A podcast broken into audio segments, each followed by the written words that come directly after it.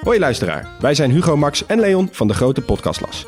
Wij zijn drie geografen en elke week behandelen wij een ander land. We bespreken onder andere de geschiedenis, politiek, natuur, maar ook de sport, de muziek en natuurlijk het eten. De nijlpaarden van Pablo Escobar, de vele bunkers van Albanië en het verschil tussen een sheik en een emir zijn zomaar wat voorbeelden die langskomen.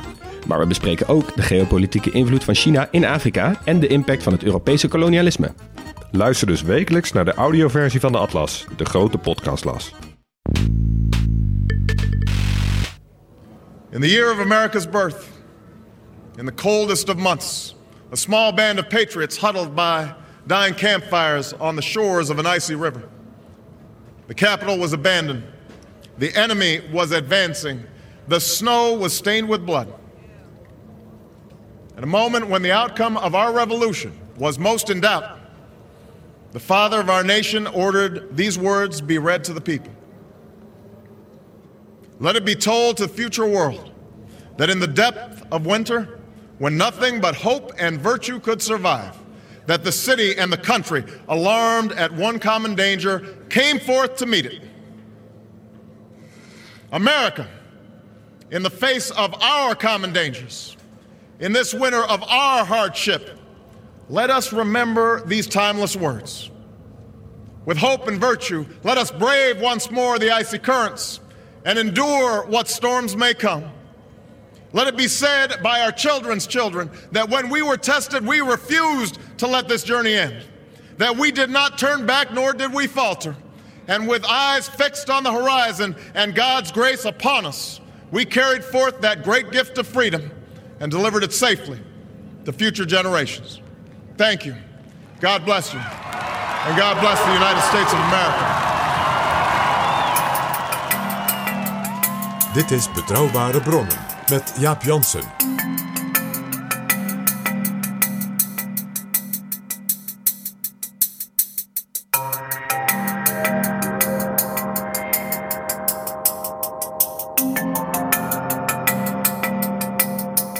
Hallo, welkom in Betrouwbare Bronnen, aflevering 115. We hebben iets nieuws. Een Betrouwbare Bronnen website voor vrienden van de show. Ja, ja. Die site maakt het makkelijker om te reageren op de afleveringen. Je kunt er zelf reacties op zetten en waarschijnlijk gaan we je ook wel eens vragen of je vragen hebt voor een toekomstige gast. Die kun je dan zelfs inspreken als je wilt. En als je de site ziet, dan zie je waarschijnlijk ook aan de vormgeving dat het er een beetje app-achtig uitziet. Zo'n app komt er uiteindelijk ook. Ik weet alleen nog niet wanneer precies. Ga maar eens kijken op vriendvandeshow.nl slash bb. Ik zal aan het einde van de aflevering dat adres nog even herhalen. En die site heeft ook de mogelijkheid om je dankbaarheid voor betrouwbare bronnen te laten blijken via een donatie. Dan maak jij dus ook betrouwbare bronnen mede mogelijk. Er is alles om gevraagd door luisteraars. Of dat niet zou kunnen, doneren. Nou, bij deze. En dan nu naar ons verhaal van deze aflevering. We hoorden net Barack Obama in zijn inauguratiespeech. Hij citeerde de Father of Our Nation, George Washington, en die had zijn tekst destijds weer van een ander, van Thomas Paine. En we gaan het in deze aflevering hebben over Thomas Paine en zijn boek uit 1791, nu vertaald in het Nederlands, De Rechten van de Mens. Welkom, PG. Dag Jaap. En welkom ook Pirmin Oldeweghuis, die de luisteraars misschien nog wel kennen uit aflevering 90, toen we het hadden over bijzondere, opmerkelijke voorverkiezingen in de Verenigde Staten. Welkom, Pirmin. Dankjewel ja, leuk om weer terug te zijn. Want Pirmin, toen PG mij zei, we moeten het heel snel gaan hebben over Thomas Paine, en ik leg dadelijk uit waarom we dat gaan doen samen met PG, toen zei hij ook meteen, daar moeten we Pirmin ook bij uitnodigen. Want Pirmin, je hebt iets met Thomas Paine. Nou ja, als Amerikanist, ja, ehm, heb ik mij eigenlijk voornamelijk gericht op die vroeg-Amerikaanse uh, geschiedenis. Uh, dus dan heb je Jefferson, Franklin, eigenlijk al die, die belangrijke figuren. Maar um, als je gewoon eigenlijk echt wat meer de, de politieke teksten uit die tijd, die komen vaak van de hand van Thomas Paine. En die zijn ook gewoon leesbaarder, gericht ook op om, uh, om verandering te creëren. En dan niet op een soort van manier zoals een staatsman dat zou doen, maar veel meer iemand die een campagne aan het voeren is. En dat maakt het gewoon razend interessant. Voor veel Nederlanders zal de naam Thomas Paine even graven in het geheugen zijn of uh, een bezoek aan de bibliotheek eh, veroorzaken.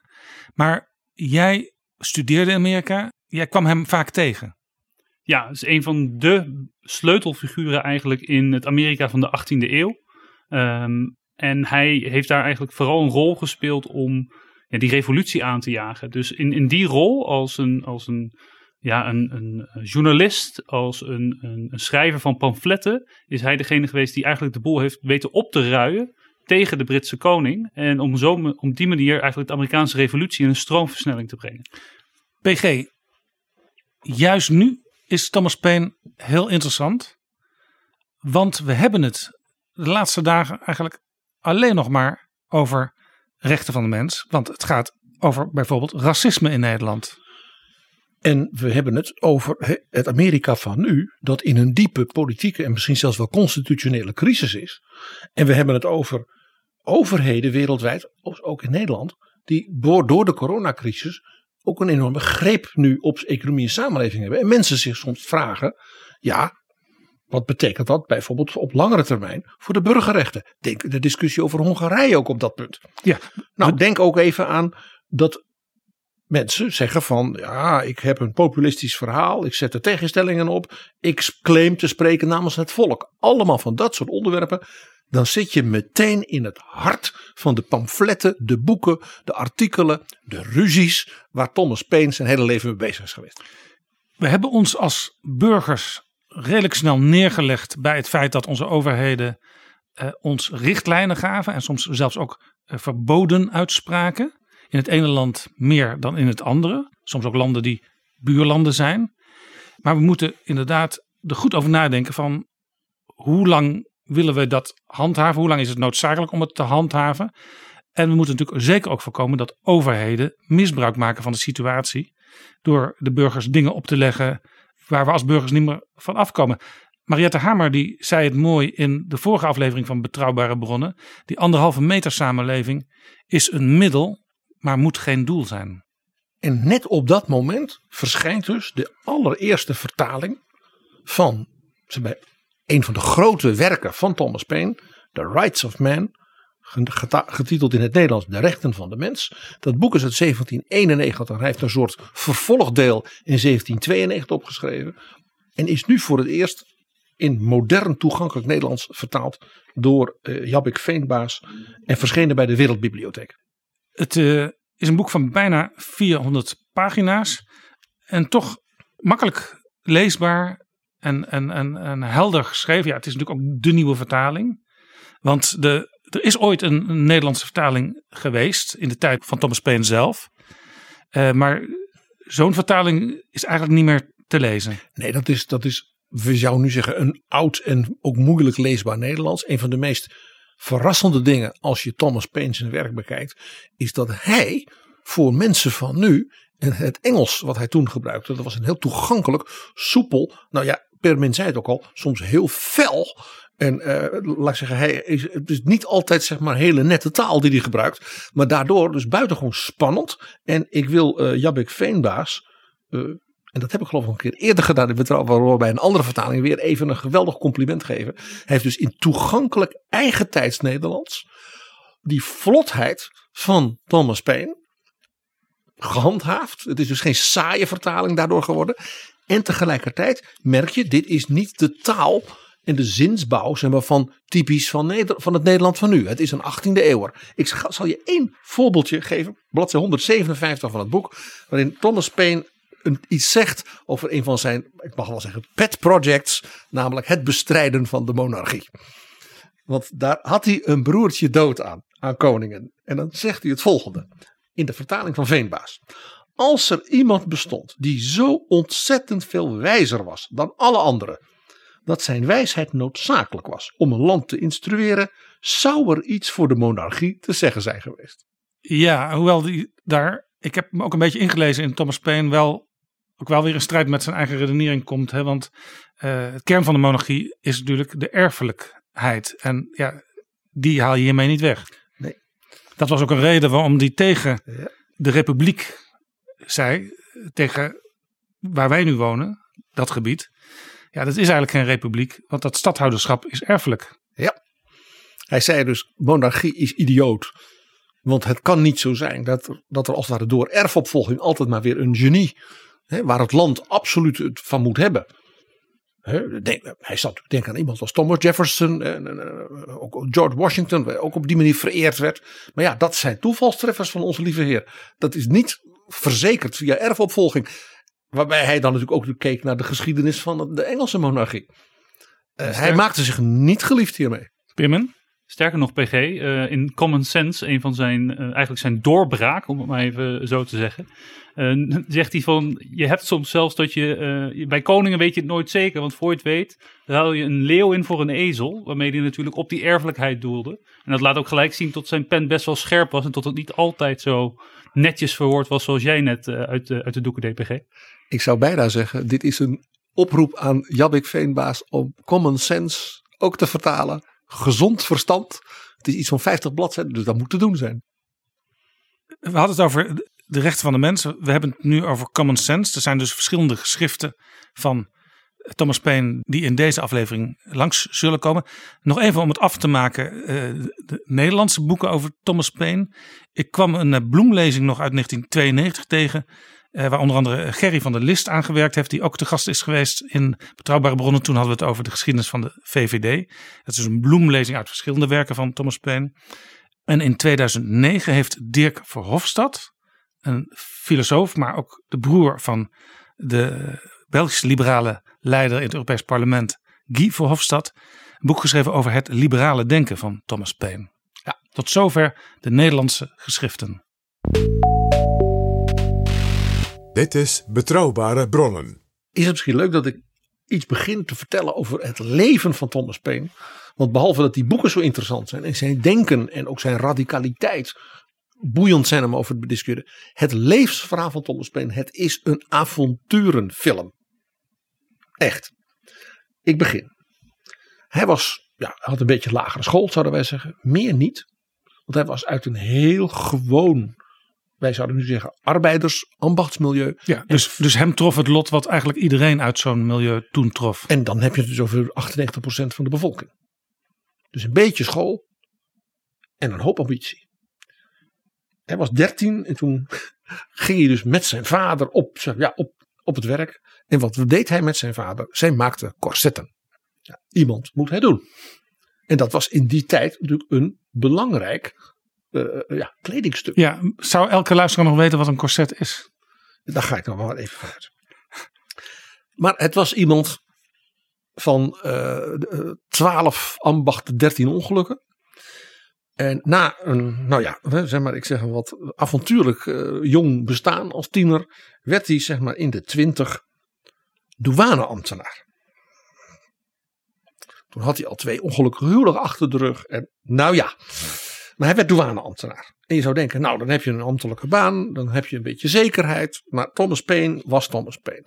Dus wat ging hij doen? Hij ging campagne voeren binnen het vak van de douane in Engeland tegen de ongelofelijke corruptie bij de Engelse douane. Hij maakte zich dus onmiddellijk buitengewoon geliefd bij zijn bazen. U- dit is een punt dat eh, in dit verhaal, nou, ja, eh, eh, Pyramid zal het kunnen vestigen, met enige regelmaat terugkomt. Thomas Paine was een geweldige ruziemaker en een eigenwijs en een radicaal. Maar hij had, in, je zou kunnen zeggen, het hart misschien wel op de goede plaats. Want hij had dus wel een zeer diep rechtvaardigheidsgevoel. Ja, ik zou wel willen zeggen dat Thomas, Thomas Paine, ruziemaker. Ja, het is natuurlijk altijd lastig om dat nu terug te beredeneren of het in zijn karakter zat. Maar het was wel vanuit altijd een, een soort van overtuiging ehm, over bepaald onrecht dat plaats had. En tot hij daarom eigenlijk in conflict kwam met de bestaande belangen. Ehm, eh, ja, vergelijkingen ook tot. ehm, en misschien komt dat wel ook voort vanuit zijn eh, ja, eh, achtergrond. Tot eigenlijk rijkdom en een soort van de aristocratie met hun rijkdom, die dan ook nog erfbaar is. Dat zag hij als een soort van groot kwaad. Dat alleen maar leidde tot een, ja, een groep mensen die totaal niet open stond voor eh, eh, principes zoals vrijheid. Ja, dus je zou het psychologisch misschien op zijn eigen jeugd kunnen terugvoeren. Het was, het was een man die controverses zocht. En dat was gevoed zeker door zijn gevoel voor rechtvaardigheid. Misschien zelfs nog meer dan voor vrijheid. Denk, is een beetje mijn analyse. Nou, hij ging dus eh, eh, heibel maken binnen de douane. En heeft onder andere dus een stuk gepubliceerd. Want schrijven en publiceren, dat zat er ook bij hem in. Waarin hij zei, kijk, als de koning de salarissen van de ambtenaren van de douane niet fatsoenlijk verhoogt. Dan maak je die mensen corrupt. Dus de wijze waarop de overheid de douane organiseert en betaalt, is een uitnodiging tot corruptie. Nou, je, je begrijpt. Uh, dan had hij geluk, want hij had inmiddels in zijn ja, politieke discussies en wat dan niet, was hij bevriend geraakt met de vertegenwoordiger van de Amerikaanse staat, dus kolonie van Engeland, Pennsylvania in Londen. En die lobbyde voor, ook voor andere steden en voor staten, hè, die dertien koloniën daar in Amerika van de Engelsen aan het hof van koning George III. En die naam die kennen we natuurlijk allemaal. Die man, dat was Benjamin Franklin. En Benjamin Franklin werd dus een vriend van Tom Paine in Londen. En die merkte, dit gaat met deze jongen niet goed. Die wordt straks een keer opgepakt. En hij heeft een goed hart, om maar zo te zeggen. Hij wil rechtvaardigheid. Franklin was ook zo'n man. En die heeft dus gezegd, weet je wat jij moet doen? Jij moet verhuizen. En Franklin heeft er dus voor gezorgd dat Thomas Paine naar Amerika verhuisde. En ook daar een baan kreeg. Om te voorkomen dus dat hij uiteindelijk het slachtoffer zou worden van zijn eigen oprechtheid. En van de, zeg maar, de monarchale tirannie van de Engelse koning.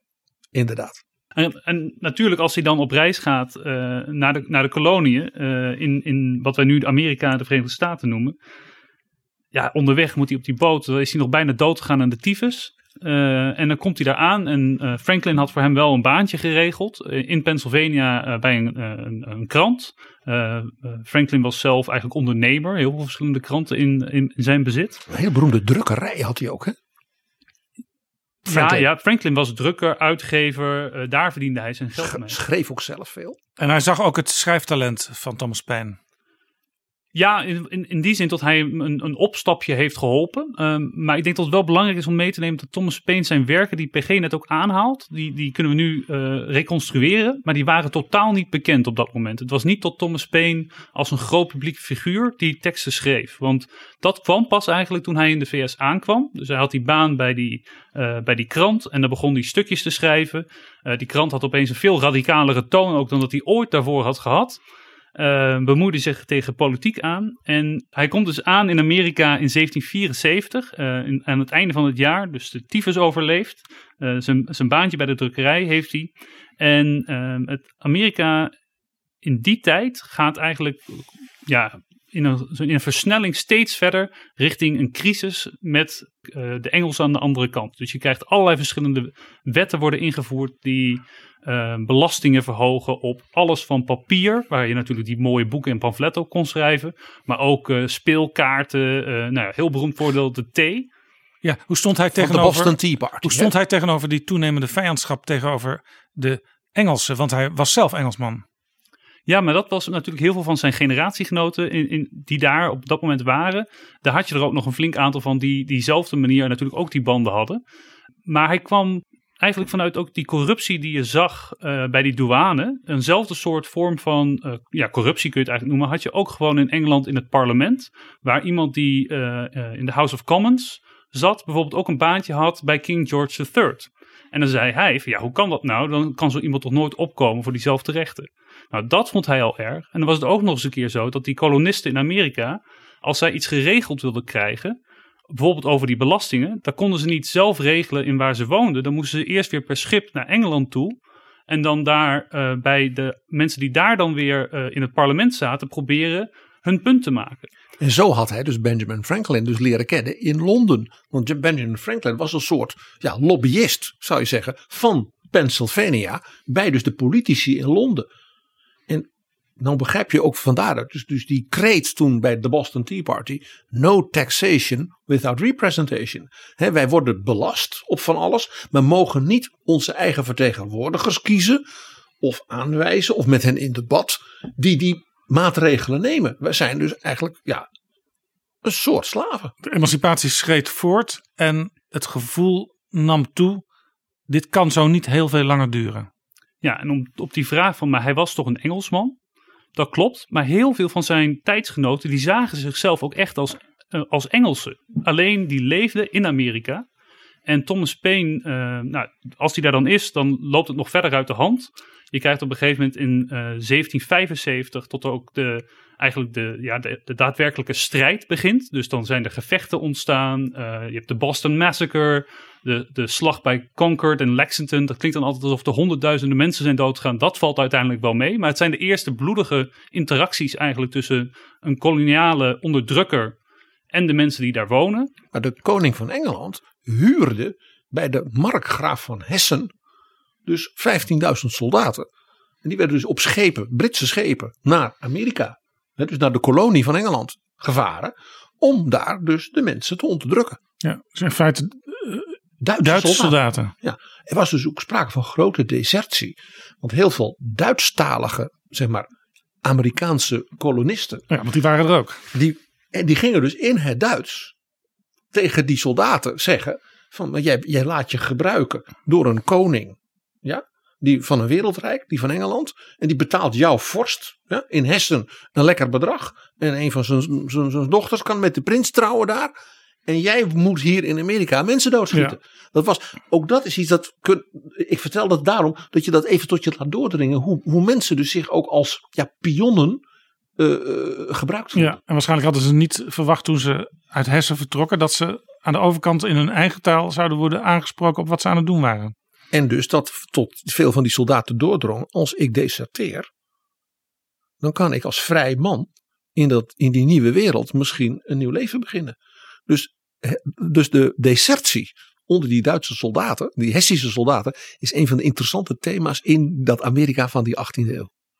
Maar dan kom je dus in eigenlijk op het moment dat hij zijn grote doorbraak beleeft met het boek Common Sense. En daarin. Thomas Paine. Thomas Paine, sorry, ja. Eh, en hij, zijn grote doorbraak met eh, Common Sense is eigenlijk vanwege het feit dat hij de principes eh, van nou, een koning die onderdrukt en een bevolking die daar geen stemmen heeft, ehm, weet te verwoorden eigenlijk in een veel simpelere taal dan bijvoorbeeld de, de meeste politici van zijn tijd. Dat Hij komt dus met een soort democratische logica. Ja, en vooral een anti-monarchie verhaal wat hij houdt. En eh, hij gaat daar eigenlijk heel erg in op ehm, wat natuurlijk is niet, en niet. Natuurlijk heel erg kenmerkend voor zijn tijd. Hij, heeft, ehm, hij beweerde zelf altijd nooit John Locke gelezen te hebben. Maar ehm, nou ja, als je de verschillende schriften over, over die periode... Hij moet het wel gekend hebben. Ehm, en eigenlijk die, die theorieën meebracht, alleen zo opschreef tot de Amerikanen, eh, als het aan ze werd voorgelezen of als ze het zelf lazen, het ook konden begrijpen. En Om je, een idee te, om een idee te geven, Jaap. Common Sense, dat pamflet kwam uit. Januari 1776. En er zijn er in enkele maanden 200.000 van verkocht. In Amerika, in die koloniën. En als je nou nagaat, daar woonden toen nog geen 3 miljoen mensen. Dus dat was een ongekende bestseller. En had dus een enorme impact op de meningsvorming, zeg maar, over de toekomstige politiek en de staatkunde van die koloniën. Het is dus geen toeval dat letterlijk eh, zes maanden later hè, Jefferson en Adams de Declaration of Independence schreven. Dat is dus in hoge mate beïnvloed geweest door de meningsomzwenking, zou je kunnen zeggen, onder die kolonisten. Ja. Het werk daarbij in hele belangrijke mate van Thomas Paine. Ja, het, het, het mooie is ook dat, dat jij noemt de Declaration of Independence. Eh, tegelijkertijd heb je in Frankrijk de Déclaration des droits de l'homme et du citoyen. Het was dus eigenlijk in de hele wereld gaande eh, die gedachtevorming van zoals het ging, eeuwenlang, dat kan niet meer, dat is niet rechtvaardig. Daar moet iets anders voor in de plaats komen. En in verschillende landen, het oude Amerika, of ja, het nieuwe Amerika eigenlijk, maar voor ons het oude Amerika.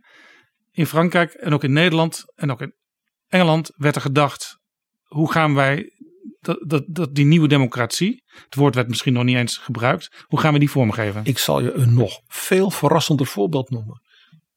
Weet jij wie een hele soort constitutie heeft geschreven met burger, burgerrechten en alles?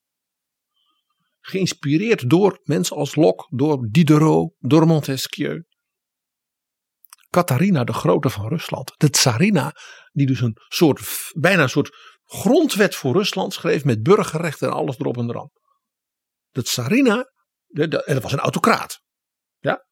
die vond dat je dus ook Rusland moest dat ware een soort edel bewind krijgen. Maar dan natuurlijk wel, die- dit werd nu geschonken aan het Russische volk door de tsarina.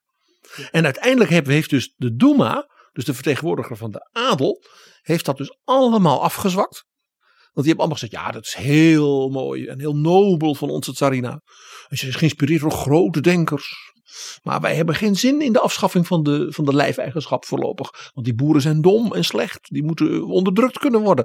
En eh, wij willen natuurlijk heel veel rechtvaardigheid. Maar we willen wel in de dorpjes. Wij als adel zijn wel de hoofd van de rechtbank. Ja, je zag dus. Je, Dus je die, zag spanning, dus die spanning in, in Amerika met de Britten. Met het werk van Thomas Paine. Dat dus nota bene de tsarina van Rusland. De allermachtigste ja, heerseres op aarde van die tijd. Dat hij diezelfde ideeën probeerde nota bene in dat Rusland ook te laten landen. Je zag dus dat, dat eh, wat je in de geschiedenis vaker hebt gezien. De elite of de industriëlen, die, die voelden wel aan hun water, er moet iets gebeuren. Want anders worden we door de revolutie over, overlopen. Dus de tsarina die, die, die, die had dat waarschijnlijk ook een beetje in haar hoofd. Ik, moet iets doen. Maar toch, lijfeigenschap, de, de slavernij, de transatlantische slavernij. Die werd eigenlijk pas eh, ongeveer 80 jaar later echt afgeschaft. Hè. Die button die burgemeester Halsema vorige week eh, droeg, daar stond het jaartal 1873 op.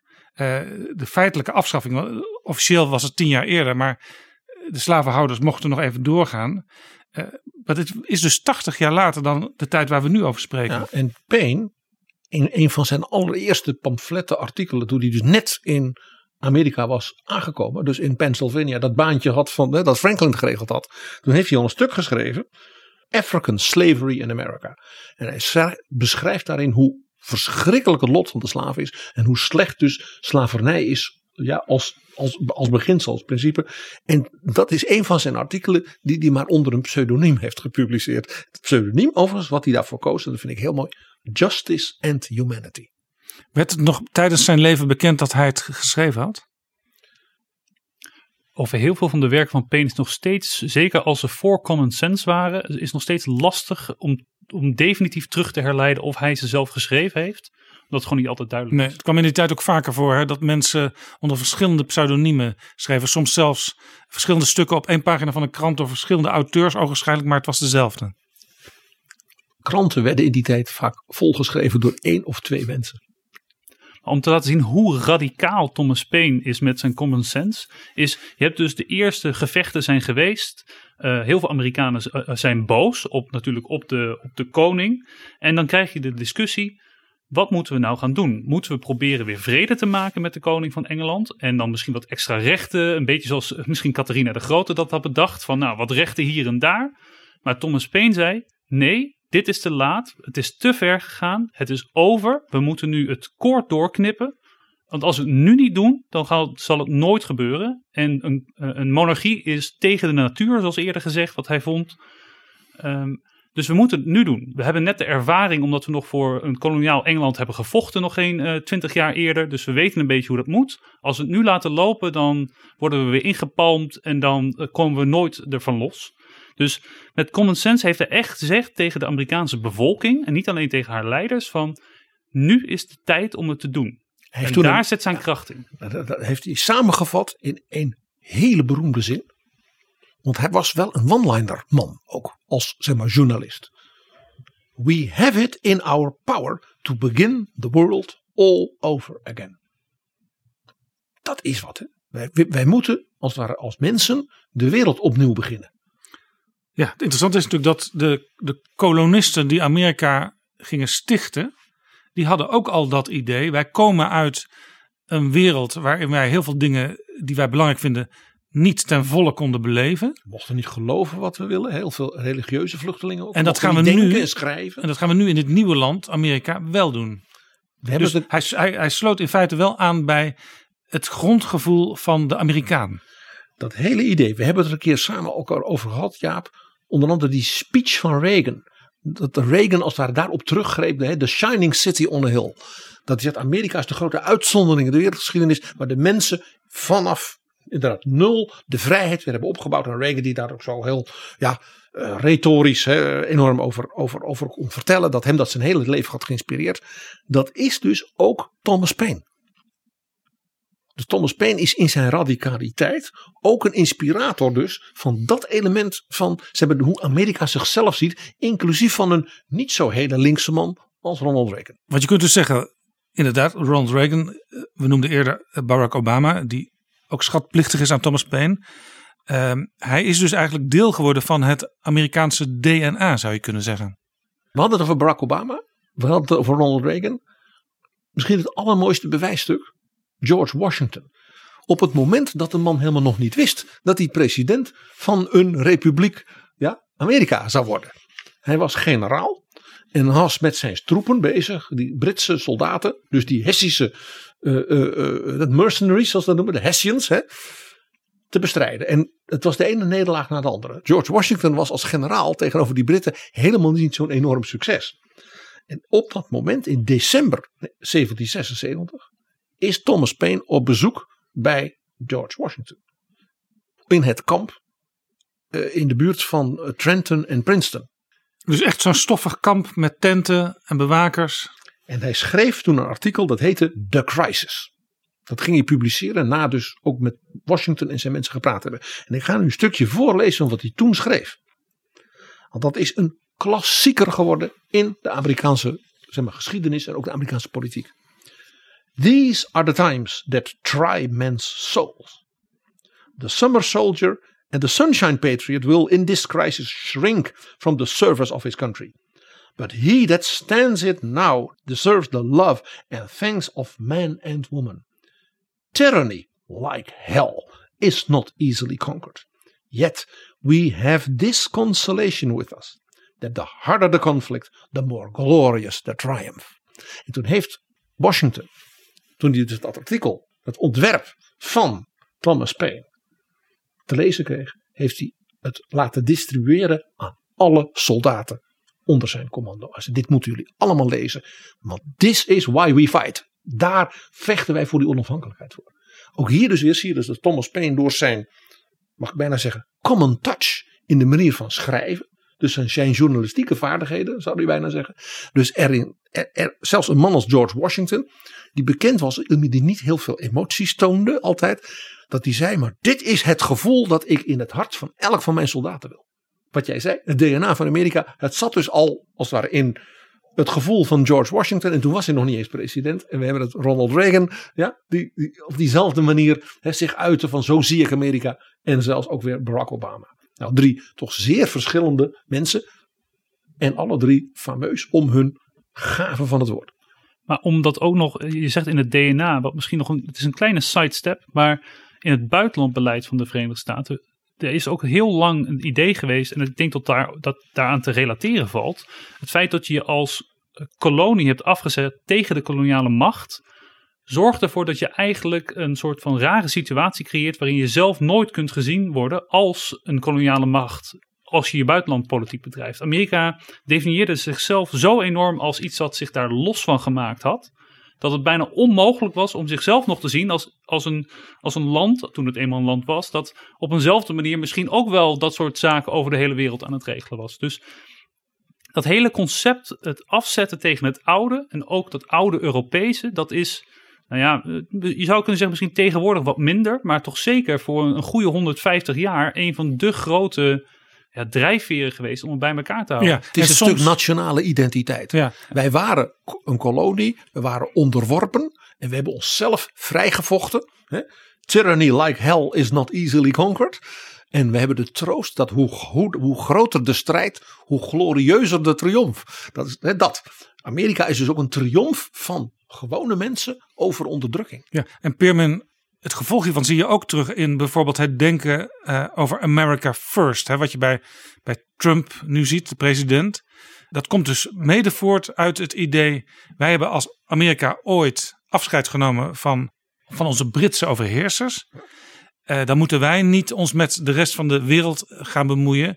We hebben genoeg aan onszelf. Laten we Amerika een mooie natie maken dat sentiment is denk ik eeuwenlang al een politieke discussie in de Verenigde Staten. Of je het hebt over de Tweede Wereldoorlog, de Eerste Wereldoorlog. Deze discussie, even dus in een hele andere context uiteraard, maar vindt telkens opnieuw plaats. Van wat Ja. is de rol van de VS in de wereld? Waar dan tegelijkertijd in de rest van de wereld vaak wel de kritiek is van ja, maar jullie hebben ons eigenlijk cultureel gekoloniseerd. Want al onze jongeren die, die luisteren naar Amerika- Amerikaanse muziek, et cetera. Dat is niet de schuld van Thomas Paine. En de rest van de wereld vraagt ook soms om hulp van Amerika. Denk maar aan de Tweede Wereldoorlog. Denk maar aan gedoe in het eh, recentere Europa, waar toch Europa zelf niet uitkomt. En dan wordt er gehoopt dat de Amerikanen meedoen aan ingrijpen. Een schitterende speech van nu presidentskandidaat Joseph, eh, Joseph Biden, eh, Joe Biden. Ehm, op de senaatvloer in de jaren negentig, waarin op een gegeven moment in de oorlog in voormalig Joegoslavië. Over de, zijn Bosnië speech. Ja, Ja, En dan staat hij daar en dan zegt hij: There's no moral center in Europe. En wat hij dan eh, eigenlijk uiteenzet, is dat het de, eigenlijk de, de taak is van de Verenigde Staten. Ook weer als die entiteit die niet in, die, die, in dat, ja, dat bloed- en bodem bijna achtige Europa eh, vastzit. Tot alles gaat om die bloedlijnen en om, eh, om eh, etniciteit, et cetera. en het Wij oude, zijn het de oude nationalisme, wat natuurlijk in Joegoslavië ook weer heel, heel bloederig, gruwelijk bovenkwam. Ja. Maar ook weer de allianties binnen Europa, wie welke partij steunde. En hij zei, there's no moral center in Europe. En de Verenigde Staten is de enige partij die dat kan leiden. En dan zijn we tegelijkertijd weer terug bij het baken van licht dat Amerika ook wil zijn, de Shining City on the Hill. Exact. Nou, eh, we weten hoe het verder ging. Common sense, gezond verstand. Honderdduizenden verkocht. Dus een enorme soort golf van dit willen wij in Amerika. Leidt dus tot die onafhankelijkheidsbeweging. Dan is er een oorlog. Nou, Washington die... Ja, hij verslaat de Britten eigenlijk niet. Militair. Maar toch wennen ze. Dus wat er dan gebeurt is dat hij, hij blijft zich dan dus richten op hoe maken we van dat Amerika nou politieke succes. En een van de dingen die daarin zit, is dat hij dan in 1780 publiceert hij het artikel Public Good. En Permin, dan doet hij iets waarvan waar jij het al eens vaker, als wij het erover hebben gehad, zegt van dat is iets wat Europeanen en Nederlanders misschien niet zo weten over Amerika. Namelijk dat tussen het moment van zeg maar 1780, 1783, dat Amerika dus onafhankelijk van Engeland werd, en het moment dat George Washington de eerste president werd, dat daar nog een tussenfase tussen zat. Ja, men heeft enorm geworsteld met hoe men nou uiteindelijk moest samenwerken. En dat heeft eh, veel discussie op, opgeleverd. En vooral ook heel beroemd de Federalist Papers natuurlijk. Ja. Over hoe gaan we dat nou organiseren. En Thomas Paine, eh, ik denk dat je daarop doelt PG, heeft daar, eh, die neemt daar telkens ook al zelf een voorschot op. Van je zou het zo kunnen inrichten en je hebt afgevaardigden nodig. Maar hoeveel dan en wie dan? En het was dus een heel erg... eh, een soort van, je had een, men zag het ook als een, als een stuk wit papier. En nu gaan we opschrijven wat de beste manier is om ehm, ja, een overheid in te richten. En eigenlijk vooral een volksvertegenwoordiging in te richten. En Thomas Paine die was ook niet te beroerd om daar even zijn eigen bijdrage aan te leveren. En die zegt dus dan in Public Good. Wat Amerika nodig heeft, is we hebben die 13 staten, hè, die koloniën. Die gaan nu allemaal zichzelf regeren. Tuurlijk. Vrijheid, democratie, openheid. Allemaal heel erg voor. Maar wil dat ooit nog wat worden, gezamenlijk, dan is er nodig een Continental Constitution. En dat was in 1780. Dus een gezamenlijke grondwet zou je kunnen zeggen. De, Voor de het hele continent. basisrechten voor al die staten samen. Voor het hele continent. En eh, we weten wat er gebeurd is, eh, Permin. Dat is uiteindelijk gelukt, ja. Dat zijn ze gaan doen. En dit is ook een filosofie die, die je anno nu zou kunnen toepassen op de Europese samenwerking. Want we hebben niet voor niks die discussie gehad, eh, tijd geleden in de Europese Unie, 2005, over een nieuwe grondwet waar Nederland toen per referendum tegenstemde. En toen mocht het geen grondwet meer heten. Jaap, ik beloof jou, aan het eind van dit gesprek, met jou en met Permin, zal ik voorlezen het slot van deel 1 van The Rights of Man in de vertaling van Jabbik Veenbaas. Dat is bladzij 185, want dat gaat precies daarover. We wachten in spanning af. Dit is Betrouwbare Bronnen, een podcast met betrouwbare bronnen.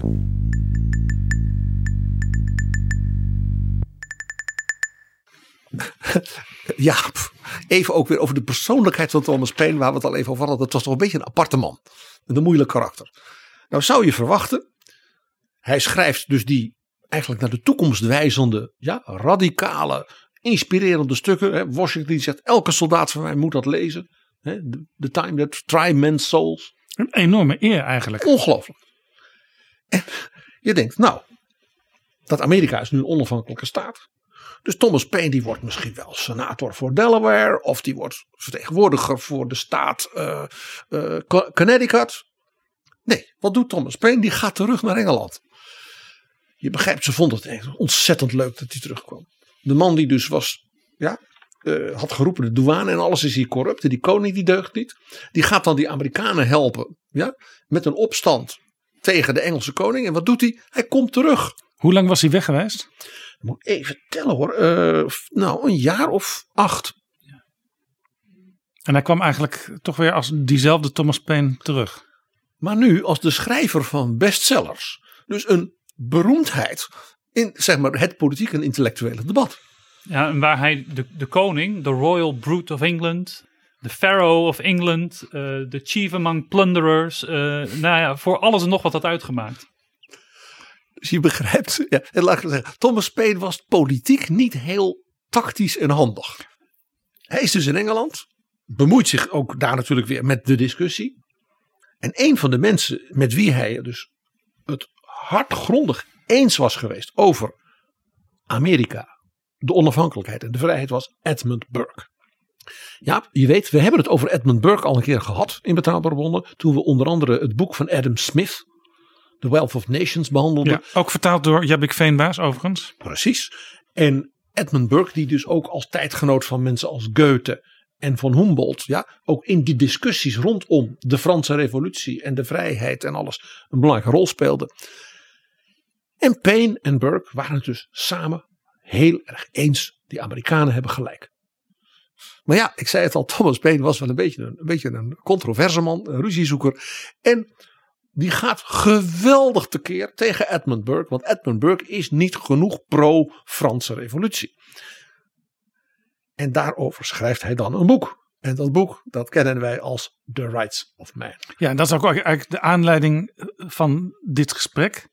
Die nieuwe Nederlandse vertaling. Eigenlijk de, de eerste volledige vertaling sinds het boek ooit eh, verscheen. Eén keer eerder eh, vertaald. Maar denk ik nergens meer te vinden.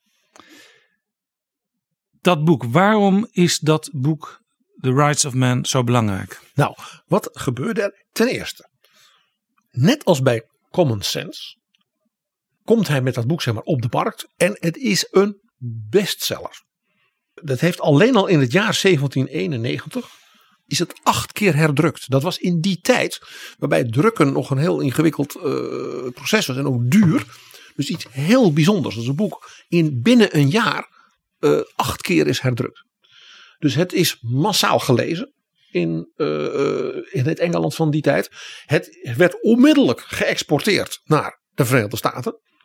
En het werd eigenlijk iedereen in Europa die Engels kon lezen, die in intellectuele en politieke kring, die zorgde dat hij The Rights of Man van Thomas Paine kreeg. Hij bood het ook aan aan de president van wat inmiddels de Verenigde Staten van Amerika was gaan heten, George Washington. Hij draagt het eigenlijk aan hem op. En het grappige is, jij, jij en ik denken nu, dat is niet zo raar. Het was Washington die zei, elk van mijn soldaten moet het werk van Thomas Paine lezen. Dus dit is als het ware een soort gebaar van hem weer naar George Washington. Laat ik even de brief, zoals die vertaald is door Jabik Veenbaas, voorlezen. Kort briefje, staat ook afgedrukt in het begin van het boek. Mijnheer, ik bied u hierbij een kleine verhandeling aan ter verdediging van de vrijheidsbeginselen die mede dankzij uw voorbeeldige rechtschapenheid op zo'n voortreffelijke manier konden worden geïmplementeerd. Dat de rechten van de mens even universeel mogen worden als dat door uw welwillendheid kan worden gewenst en dat u mag meemaken dat de nieuwe wereld de oude wereld nieuw leven inblaast, is de bede van, meneer, uw zeer dankbare en gehoorzame, nederige dienaar Thomas Paine. Hij spreekt dus George Washington, een door de mensen gekozen staatshoofd, ja, op een toon aan alsof hij zeg maar, een monarch is. En van deze man is een, hè, dus dat is een echt zeg maar, democratisch gelegitimeerd staatshoofd. Hij spreekt hem dus eerbiedig aan. Dus een toon die je als het ware zou, eerder zou verwachten in die tijd als je het Catharina de Grote van Rusland een brief stuurde. En dat is natuurlijk geen toeval. The Rights of Man was een explosief boek. Ten eerste zei Thomas Paine, die Fransen, die hebben het begrepen. Wat de Amerikanen al hebben voorgedaan, zijn nu in het oude Europa de Fransen aan het doen. En dat moet je dus enorm bewonderen, dat moet je aanmoedigen. En dat Edmund Burke zoveel uh, kritiek op die Fransen heeft, terwijl hij toch zo voor de onafhankelijkheid van Amerika was, dat toont aan dat die Edmund Burke, nou, zijn ideeën kloppen niet. Hij, hij gaat geweldig tekeer tegen een man die hem dus enorm heeft gesteund daarvoor. Maar zijn enorme aanvallen op de monarchie.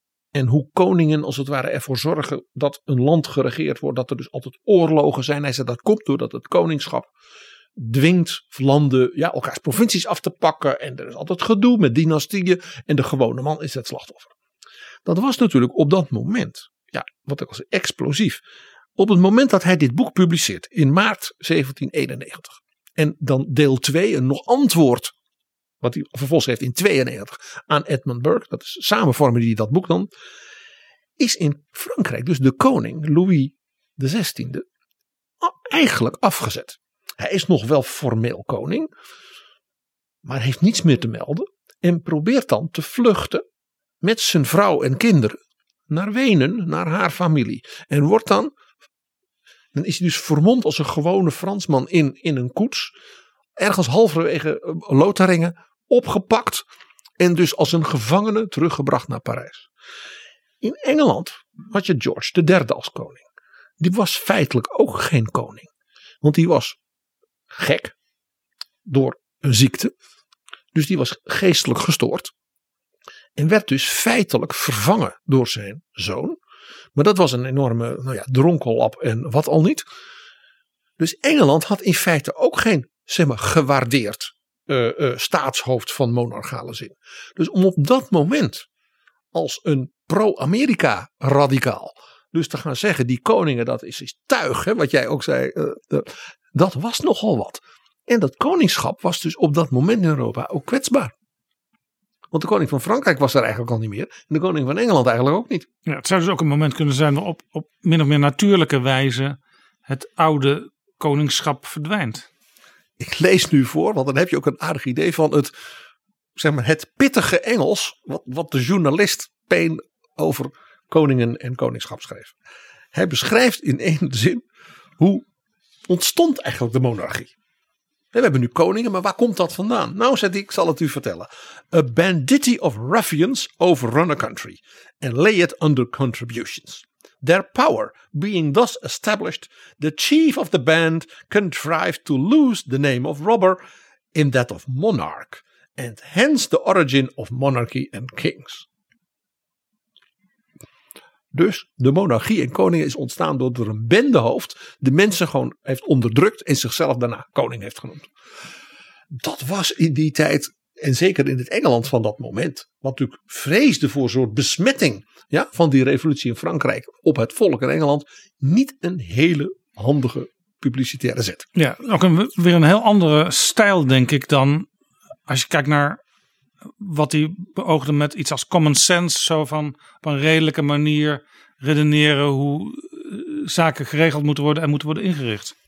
Nou ja, hij wou in het debat in Engeland dus het punt op tafel leggen met heel veel retorische en journalistieke kracht dat je de Fransen moest steunen en waarderen en misschien zelfs wel een beetje bewonderen in de manier waarop zij zeg maar, de principes van de Amerikaanse revolutie, waar hij natuurlijk een van de mannen van was, aan het toepassen waren. Althans, dat hoopte hij, dat dacht hij, in Europa en dus in een van de allermachtigste landen van Europa, Frankrijk. Ja, ja voor hem eigenlijk een bewijs dat het ook op Europees gebied kon plaatsvinden. Dat het niet alleen maar in zo'n totaal nieuwe wereld als Amerika kon gebeuren. Zoals hij schrijft aan George Washington.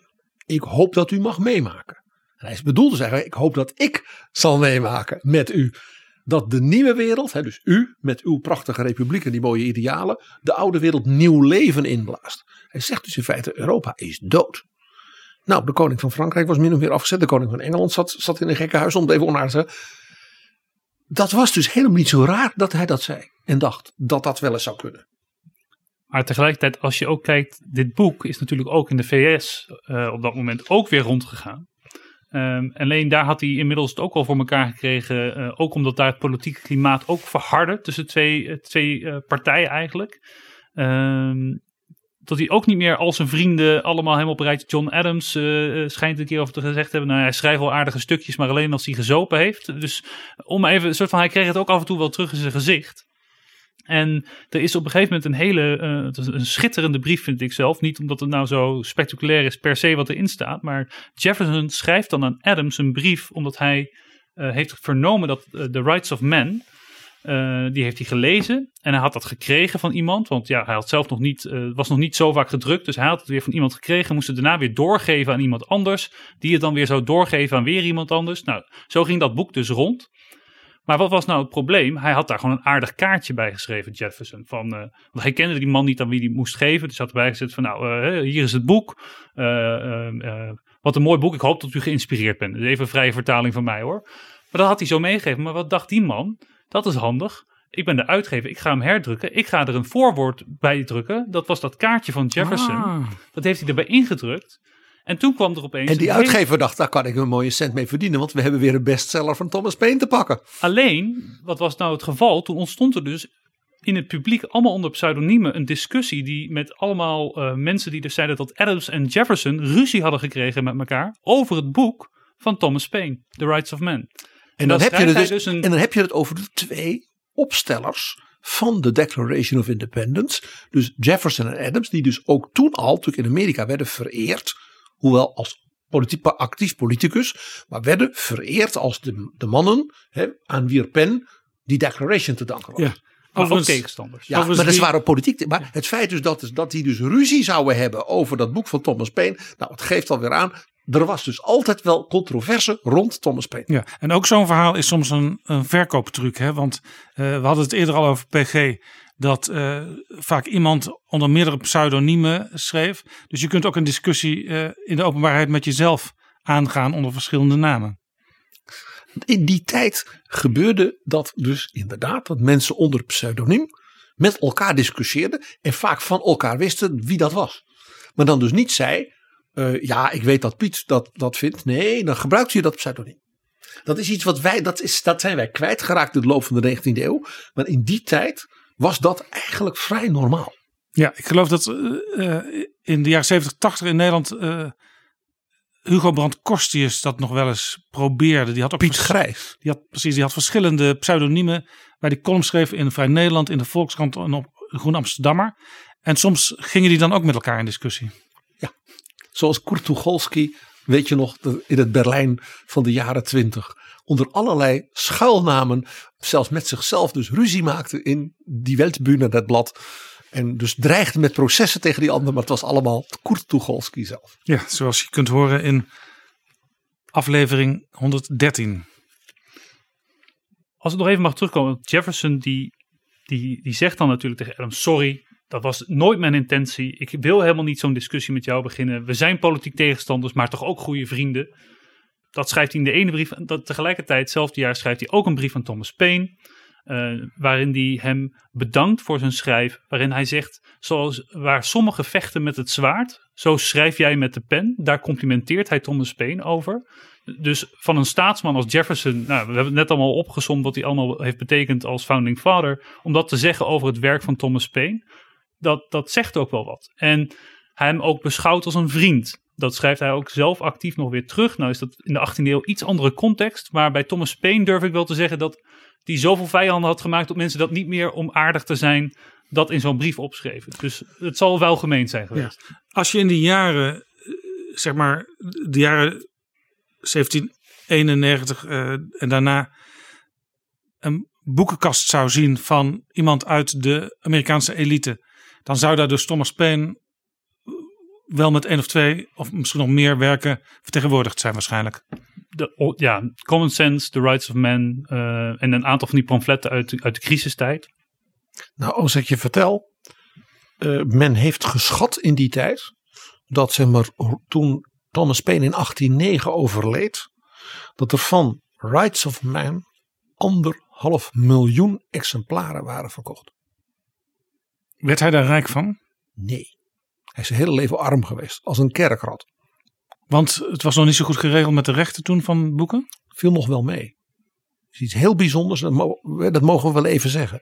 Thomas Paine zei: Ik wil dat mijn ideeën, mijn boeken, zoveel mogelijk verspreid worden. En dat hele gewone arme mensen ze ook kunnen kopen. Dus die zei: Ik hoef geen inkomsten, geen revenue, een beetje, maar uit die boeken van mij. Als dat bestsellers zijn, dat is mooi, want dan kan de prijs zo laag mogelijk zijn.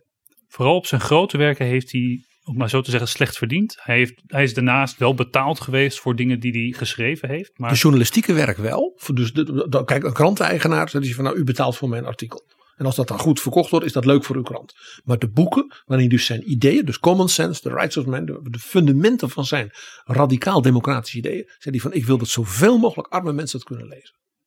Ja, dus Heel bijzonder element. hij is er niet rijk van geworden. eh, Zijn uitgevers m- misschien wel. Eh, reken maar. zeker. Dit is Betrouwbare Bronnen. Ben je enthousiast? Vertel dan ook je vrienden dat ze zich kosteloos kunnen abonneren. Betrouwbare Bronnen verschijnt dan elke week ook in hun luisterlijst.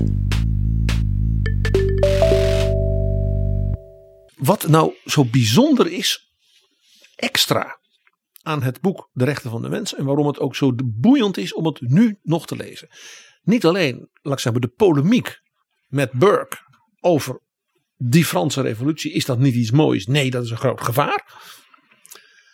Maar Paine is als schrijvende is het boek een beetje met hemzelf aan de hand gegaan. Wat je als auteur wel eens meer hebt. En hij zei eigenlijk, als die Fransen dus die Amerikaanse idealen nu gaan vertalen voor Europa. Hoe zou dat er nou uit moeten gaan zien? En hij heeft eigenlijk vervolgens een bijna een compleet beeld getekend. Een soort kool- houtskoolschets van een ideale, democratische, vrije samenleving. En er zitten dus dingen in zijn voorstellen van wat zou je daarbij moeten doen. Zal ik je eens wat, een voorbeeld geven wat, hij Ja. zei, wat dan moet gebeuren? Er moet zoiets zijn als een AOW. Hij zei, de oude mensen hier in onze samenleving, die niet meer kunnen werken, die zijn dus tot de bedelstaf veroordeeld. Of worden dus ziek, gaan snel dood. Of ze moeten van hun kinderen of van de familie afhankelijk zijn. En die mensen hebben hun, hun leven gewerkt. Die verdienen dat ze een fatsoenlijke oude dag hebben. De samenleving hoort dus oude mensen een soort pensioen te geven. Hij zei ook, mannen en vrouwen moeten eigenlijk alle twee kiesrecht hebben. Die moeten mee kunnen beslissen. We hebben het dus over 1791. Eh, wat hij ook zei. 130 jaar voordat in Nederland vrouwen kiesrecht kregen. Hij was een vroege Humboldt. Hij zei: de overheid hoort goed georganiseerd, publiek gefinancierd onderwijs te hebben voor ieder kind. Weet je nog dat Wilhelm van Humboldt in 1810, dus dat is 20 jaar na dit boek, dat voor het eerst als idee en het concept doorvoerde, dus in Brandenburg-Pruisen, en waarbij hij dus de vader is van het moderne onderwijs in de hele wereld en van de universiteit Ja. in de hele wereld. Maar het concept, het hele idee erachter, staat in The Rights of Man van Thomas Paine. Nog iets. Hij is de bedenker van de New Deal van Franklin Roosevelt. Die kwam toch veel later. Ja, maar hij schrijft in dat boek: een van de taken van de overheid in die nieuwe samenleving zoals hij die wilde, is dat als mensen geen werk hebben, dan gaan dus die kinderen eraan. En die moeten naar school en die mensen raken aan de drank en dat is allemaal armoede en ellende. Hij zegt dat moet je niet willen als samenleving. Dus de overheid moet zorgen voor publieke werken. Zodat mensen zonder werk in de bouw, ja, in dat, dat die dus een baan hebben. Dus dan gaan we maar eh, havens eh, verbeteren en we gaan, ja, Je zou kunnen zeggen een vroege vorm al van anticyclisch economisch beleid. het, het, het is in elk geval, het is, eh, het is dus niet helemaal toeval dat Franklin Delano Roosevelt Thomas Paine nog wel eens aanhaalde. Want een aantal van dit soort dingen dat je denkt, nou dat is een beetje Roosevelt. En dan natuurlijk, eh, hij was natuurlijk voor republikeinse regeringsvormen. De koningen moesten weg. En hij was ervan overtuigd dat als je eh, dus de monarchale systematiek zou afschaffen. Dat er dan ook tussen landen bijna nooit meer oorlogen zouden zijn. Zijn idee was de, oorlogszucht van landen, hè, met name ook de Europese landen, komt doordat die vorsten, als het ware in de loop der eeuwen, ja, die hebben tegenstellingen opgebouwd en die gebruiken als het ware hun land om hun privé dynastieke eh, eh, eh, conflicten uit te vechten. En hij zegt, als je dus geen vorsten meer hebt, dan heb je ook eigenlijk geen oorlogen meer nodig. Om die reden was hij dus ook, ja ja, voorstander van de afschaffing van het House of Lords. Hij zegt, want dat is Permen wees erop. Erfopvolging van machtige lieden die daar voor maar één ding zitten. Namelijk voor zichzelf en hun familie. Hij was echt een echte politieke radicaal in zijn ideeën over democratie en vrijheid. Hij vond ook dat een koning die daadwerkelijk nog iets te zeggen had, ook niet samen kon gaan met een systeem van een parlement omdat je bij een absolute monarch moet je de wijsheid van die monarch bovenaan zetten. Die, die, die kun je niet eh, betwisten. En dat kun je niet zeggen dat je dan tegelijkertijd een afvaardiging hebt vanuit de bevolking. Die dat dan moet gaan controleren en andersom. Dan, zegt, dan heb je een soort van tegenstelling die hij als tegennatuurlijk ook zag. Van dat systeem, daar was hij gewoon zo fundamenteel tegen. Omdat het gewoon volgens hem ja, een soort van als een bijna een wiskundige som niet klopte. Hij schreef dus al dingen op die eigenlijk later een enorme inspiratie voor Franklin Delano Roosevelt waren, voor de New Deal. Maar hoe dacht hij dan dat te kunnen financieren? Ja, ga maar na. Uh, scholen zoals Humboldt ja, ging doorvoeren in Duitsland. Uh, de New Deal van Roosevelt. De, uh, de, de, pensioenen van het akkoord van Mariette Hamer en Koolmees. Wie moest dat betalen? Nou, dat wist, ook dat wist Thomas Paine precies. Eén. De rijken. Hij zegt, je moet een belastingssysteem hebben waarbij de rijke mensen meer betalen uit hun vermogen dan de arme mensen. Dus een progressief belastingssysteem. En nog iets. Hij was niet voor niks tegen erfopvolging. Belasting op testamenten. Een hele sterke erfbelasting. Als je rijk bent geworden, dan is het, hoeft het niet zo te zijn dat jouw kinderen daardoor automatisch na jouw dood ook rijk zijn. Ja, dat is een argument wat je nu af en toe ook hoort. Want de redenering is dan, die kinderen hebben er eigenlijk niks voor gedaan voor die enorme hoeveelheid uh, vermogen. Aan de andere kant wordt dan altijd gezegd in zo'n discussie, ja, dan gaan die ouders het geld op een andere manier opmaken voordat ze dood zijn en dat is misschien ook niet zo nuttig. Nou ja, laat ik zeggen, de nuttigheidsdiscussie is hier, was zeker bij Thomas Paine niet het eerste punt. Het was zijn diepe afkeer van dus de machtconcentratie in de aristocratie, de koninklijke dynastieën en dus de rijken ja, die dus rijk waren door dus die voortdurende erfopvolging en dus die, dat concentreren van nog meer landerijen, nog meer slaven, nog meer, ja. Ja, eigenlijk wat, waar Karl Marx later Das Kapitaal over schreef en wat in moderne tijd door Thomas Piketty beschreven wordt. Thomas Paine is als je kijkt naar zijn, de economische kant van zijn ideeën, uh, in hoge mate, wij zouden nu zeggen, een linkse democraat. Pirmin, was hij een socialist? Nou, ik denk dat dat lastig te verenigen valt met zijn andere ideeën over vrijheid en individuele rechten voor, voor, voor personen. Als je het als een klassiek socialist zou omschrijven, dan komt dat denk ik niet geheel overeen met elkaar. Zou je misschien beter sociaal-liberaal kunnen zeggen? Ja. Vanuit ja. de Nederlandse blik. Als je, als je een vergelijking zou moeten maken, dan, zou ik, dan vind ik dat wel een goede vergelijking, ja. Maar Rob Jette is niet zo'n ruziezoeker als Thomas Paine. En hij heeft ook nog, nog, niet een hele boekenkast volgeschreven. Nou, dat kan altijd nog. Dat kan altijd nog. Nou, uh, je begrijpt wel, als je dus een pamflet schrijft. Hè, wat de basisgedachte van die onafhankelijkheidsdroom van de Amerikanen is. Waar je er honderdduizenden van koopt. En je schrijft een boek van, over hè, the rights of man. En daar, daar verkoop je er dus anderhalf miljoen van. In, nou, zeg maar 10, 15 jaar. Ja, dan is één ding wel duidelijk dan is de impact van wie je bent en wat je doet enorm. Dat vond de Britse regering in 1792 ook. Die kregen een beetje genoeg van meneer Paine. A pain in the ass, zou je bijna zeggen. Ja. En wat gebeurt er? Hij krijgt een tip. Hij krijgt een tip van iemand die de liefhebbers van de literatuur allemaal kennen. William Blake, de grote Engelse dichter uit die tijd. Een radicaal politiek. Ook, maar dan in de poëzie. Radicale visioenen van een soort mooie wereld uh, ook schreef. En die tipte dat hij had gehoord van een bevriend Kamerlid in de House of Commons. Dat Thomas Paine zou worden aangeklaagd wegens hoogverraad opgepakt en de rights of man zou worden verboden in Engeland. Dus hij moest zo snel mogelijk zijn biezen pakken. Dus die zei, jij, je doet er verstandig aan om weg te gaan. Nou, jij en ik denken dan, ik neem de boot naar Philadelphia. Ja, terug naar Amerika. Zo niet Thomas Paine. Ik zei al, een leven als een film. Hij dacht, ik heb die Franse revolutie zo verdedigd. Ik verhuis naar Frankrijk. Het Valhalla. Hij komt dus in Frankrijk aan. Wordt daar als een held van de vrijheid. Die dus door die Britse monarchie dus werd, zou worden gevangen gezet.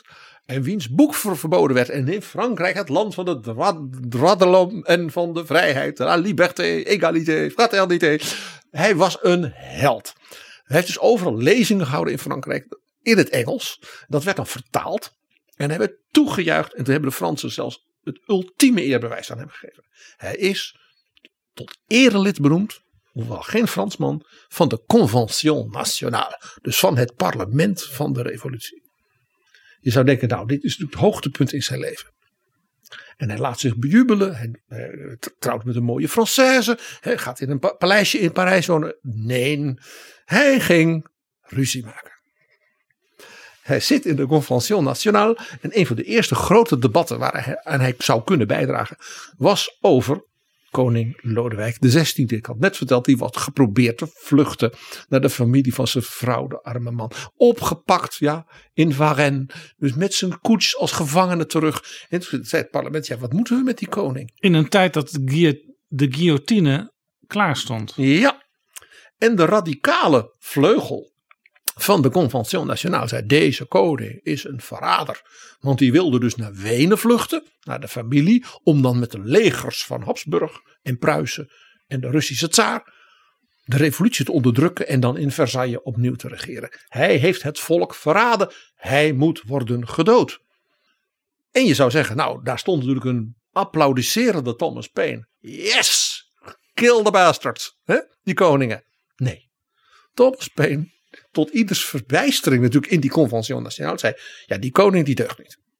En die Lodewijk XVI, het is een beetje een sulletje. Laten we eerlijk wezen, dat wist ook iedereen. Eigenlijk wel iemand met een goed hart. Hij, hij stond als bekend als een hele lieve vader van zijn kinderen. Dat was bij koningen in die tijd niet gebruikelijk. Hij heeft de Amerikaanse revolutie gesteund. En hij heeft de Amerikaanse revolutie gesteund. En kortom. Was, dus Thomas Paine zegt. Laat die man nou toch naar Wenen gaan. Dan gaat hij dan in, in Tirol in een of ander kasteeltje zitten met zijn vrouw en zijn kinderen. Je moet als republiek, als vrij Frankrijk, daar moet je boven staan. Tegen deze bloeddorst. Dat is wat die koningen vroeger allemaal deden. Dus Thomas Paine stemde tegen, als lid van de Convention Nationale, tegen de onthoofding van Lodewijk XVI. Maar ja, hij zat bij de minderheid. Dus de meerderheid. En hij heeft dus gezegd: Ik vind dit onmenselijk. Hij stond daar natuurlijk zonder dat hij Frans kon. Dus hij had een vertaler naast zich staan. En er werd dus de hele tijd door andere mensen in de zaal in twijfel getrokken of wat de vertaler zei, wel wat daadwerkelijk was, wat Thomas Paine eh, in het Engels aan het beweren was. En die knikte dan weer van ja, dat klopt wel wat ik zeg. Bijna werd de vertaler nog naar de guillotine geleid. Dat had waarschijnlijk weinig geschild. Ja, nou, je begrijpt. eh, eh, zoals we vaker in dit soort situaties, een onderwerp wat we ook wel eens aan de orde hebben gehad in deze podcast. De radicalisering was niet te stuiten in de Franse Revolutie. De jonge, briljante jurist Maximilien Robespierre werd de grote baas van Frankrijk. En het moest allemaal nog radicaler. Dus ook de koningin werd onthoofd. De arme Marie-Antoinette, de Oostenrijkse prinses. En ja, iedereen die dus tegen het onthoofden van de koning had gestemd, was dus een verrader van het volk en de revolutie. Dus de arme Thomas Paine, de grote man van vrijheid, democratie, een onafhankelijk Amerika, waar Frankrijk en de idealisten in Frankrijk, als Robespierre, allemaal zo achter hadden gestaan, die werd dus in de gevangenis gestopt in Parijs. En hij stond dus op de nominatie om net als koning Louis XVI en Marie-Antoinette onder de guillotine te worden En gelegd. dit is dus het gruwelijke wat je vaak ziet bij revoluties. Wat je eh, ook zag in de jonge Sovjet-Unie bijvoorbeeld. Dat allerlei kameraden toch ineens eh, voor hun leven moesten vrezen. Dat was in die Franse revolutie heel erg aan de orde. Nee, daar is dat dus begonnen. Een van de bijzondere dingen van de Amerikaanse revolutie, daarom is die ook zo extra interessant, is dat hij er dus in geslaagd is na die revolutie een soort gematigd, vrij soort samenleving te ontwikkelen. Dat was ook wat Edmund Burke zo sympathiek vond aan die Amerikaanse vormgeving van die revolutie. En waarom hij dus waarschuwde dat hij zegt, die Fransen, die zitten hier niet goed. En Thomas Paine zei, die Fransen zijn geweldig. En dan komt hij dus zelf daar in die revolutie aan. En wie is een van de eerste verschrikkelijkste slachtoffers van deze radicalisering, waar Burke zo voor waarschuwde? Thomas Paine. Dus die zit in een gevangenis in Parijs. Van des 28 december 1793 tot 4 november Bijna een 1794. heel jaar. En wat heeft hij in die gevangenis gedaan? Raad eens, Jaap. Hij heeft geschreven. Kan niet anders. Nou, als je dacht dat de boeken tot op heden controversieel waren van Thomas Paine, dan heb je het mis. Eh, want dan heeft hij nog een soort van, ja, je kunt zeggen, ik denk, ja, dat is zijn laatste grote werk. Eh, The Age of Reason. Eh, weer een erg pakkende titel. De tijdper, het tijdperk van de reden. Dan zit je dus in de gevangenis van een regime dat zichzelf redelijk vindt. Het ultieme ja, verlichting. Daarbij dus honderdduizenden mensen aan het doden was. Ook op het platteland. Denk aan de Vendée. De, de, het bloedbad van de stad Lyon. Allemaal ten gunste van de reden. Maar Thomas Paine die, die dacht van, nou, ik ben al eh, flink bezig geweest met de aristocratie, met de koningen. Eh, nou ja, er is natuurlijk nog een ander bepaald sterk instituut wat hij ook nog kon aanvallen. En dat was natuurlijk eh, ja, de kerk. En eh, wat heeft hij toen gedaan? In twee delen. Eh, het eerste deel, dat is echt werkelijk waar. Ik kan niet, ik, nou, ik weet even niet of het nou het eerste of tweede. Eén van beide delen. Ik kan niet aanraden per se om dat deel te lezen. Dat is eigenlijk alleen maar een uiteenzetting met een paragraaf uit de Bijbel. En dan daarachter waarom Thomas Paine vindt dat dat niet klopt. Hij doet dus eigenlijk een eh, radicale aanval op de Bijbel. En dus op de kern van het geloof. Hij zegt uiteindelijk daarin: eh, alles wat je in de Bijbel leest is hearsay upon hearsay. Het is gewoon verhalen die mensen aan elkaar hebben doorverteld. En het is aan mij, met, met de, eigenlijk de middelen van de reden, om te bepalen of ik daarin geloof of niet. Dus hij was niet per definitie tegen geloof of het afwijzen van, van God aan zich, maar wel tegen de kerk als instituut en alles wat daarbij hoort. Eigenlijk was, hij, was het hem vooral te doen om de georganiseerde religie die perverteerde. Ja, in de zin van dat de kerk dus een ook wereldlijk instituut was. Dat dus onderdeel was van dat machtsinstituut van die koningen, die aristocratie. Wat natuurlijk in Frankrijk ook onderdeel van de revolutie was. Van tegen de katholieke kerk, die natuurlijk zo dominant ook was in Frankrijk. En in dat opzicht viel hij dus in feite de mensen die hem vervolgden in Frankrijk in de gevangenis stopten, nog bij ook. Met zijn analyse. Maar het werd hem niet in dank afgenomen. Bijna door niemand meer. En de vrienden die hij nog over had, die werden met de dag minder ongeveer. Waar- waarom eigenlijk niet? Want je kunt ook zeggen, het is de consequentie van dat, tussen aanhalingstekens, redelijke denken. Als je het relateert in ieder geval aan de Verenigde Staten, waarin je kunt zeggen dat veel van die founding fathers misschien van een generatie waren waarin zij het goddelijke zochten in, in de wetten van de natuur en, en minder in georganiseerde religie, tot ze in zoverre het wel met hem eens konden zijn. Maar het echt, daadwerkelijk helemaal afbreken van A tot Z, eh, het ontkennen eigenlijk van wat er in de Bijbel staat dat het niet waar is, dat was voor de, voor de meesten toch een, een brug te ver. En ehm, want om het aan te geven, Jefferson was nog wel zo gefascineerd met de Bijbel tot hij helemaal uit knipsels het zo had hers, eh, nee, niet herschreven, maar hergestructureerd dat het volgens hem klopte. Dus Thomas Paine bracht dat echt nog een stap verder met Ja, zijn boek. en zoals vrijwel elke president, het woordje vrijwel kan ik weglaten, in toespraken citeerde uit de Bijbel. Nou, wel lastig om precies te zeggen of, laat ik zo zeggen, in de Verenigde Staten de rol van eh, het citeren van de Bijbel eh, door politieke figuren is iets wat in de 19e eeuw pas echt onderdeel is geworden van die traditie. Jaap, eh, jij zegt dit, ik begrijp dit, maar je, hebt, maar, maar je hebt niet gelijk. Het citeren van zeg maar, godsdienstige begrippen, eh, bijbelversen en dergelijke, was zeker in die 18e eeuw, begin 19e eeuw in Amerika not done. Endowed by their creator. Juist. Interessant, want eh, dat vind ik altijd het, het, het, een van de grote verschillen tussen bijvoorbeeld de Nederlandse politieke cultuur en de huidige Amerikaanse cultuur. In Nederland heb je eigenlijk alleen iemand als Kees van der Staaij en eh, enkele keer ook wel iemand van de ChristenUnie die nog naar de Bijbel verwijst. Maar de meeste andere politici blijven daar in Nederland verre van. En als ik Obama hoor of als ik Trump hoor, ze pakken allebei op bepaalde momenten de Bijbel erbij. En dus de ontwikkeling in de Verenigde Staten op dit punt is dus eigenlijk de tegendraadse van in Nederland. Nederland kende juist een heel sterke door de godsdienst, het protestantisme, ja, beïnvloede politieke cultuur. Dat is langzaam verdwenen. Hè, ook door met de ontzuiling en de secularisatie. In de Verenigde Staten zie je het omgekeerd. Dat begon dus als een 18e eeuwse verlichtingssamenleving. En men sprak ook in dat soort taal. Zeker mensen als Jefferson. En pas veel later ging men daar dus One Nation Under God. En allemaal dat soort dingen. En I pledge allegiance to the flag. Dat is allemaal veel, veel later. En tegelijkertijd, wat denk ik wel, wat je zowel in Nederland ziet als in Amerika onder veel gelovigen, eh, is dat ze zeggen.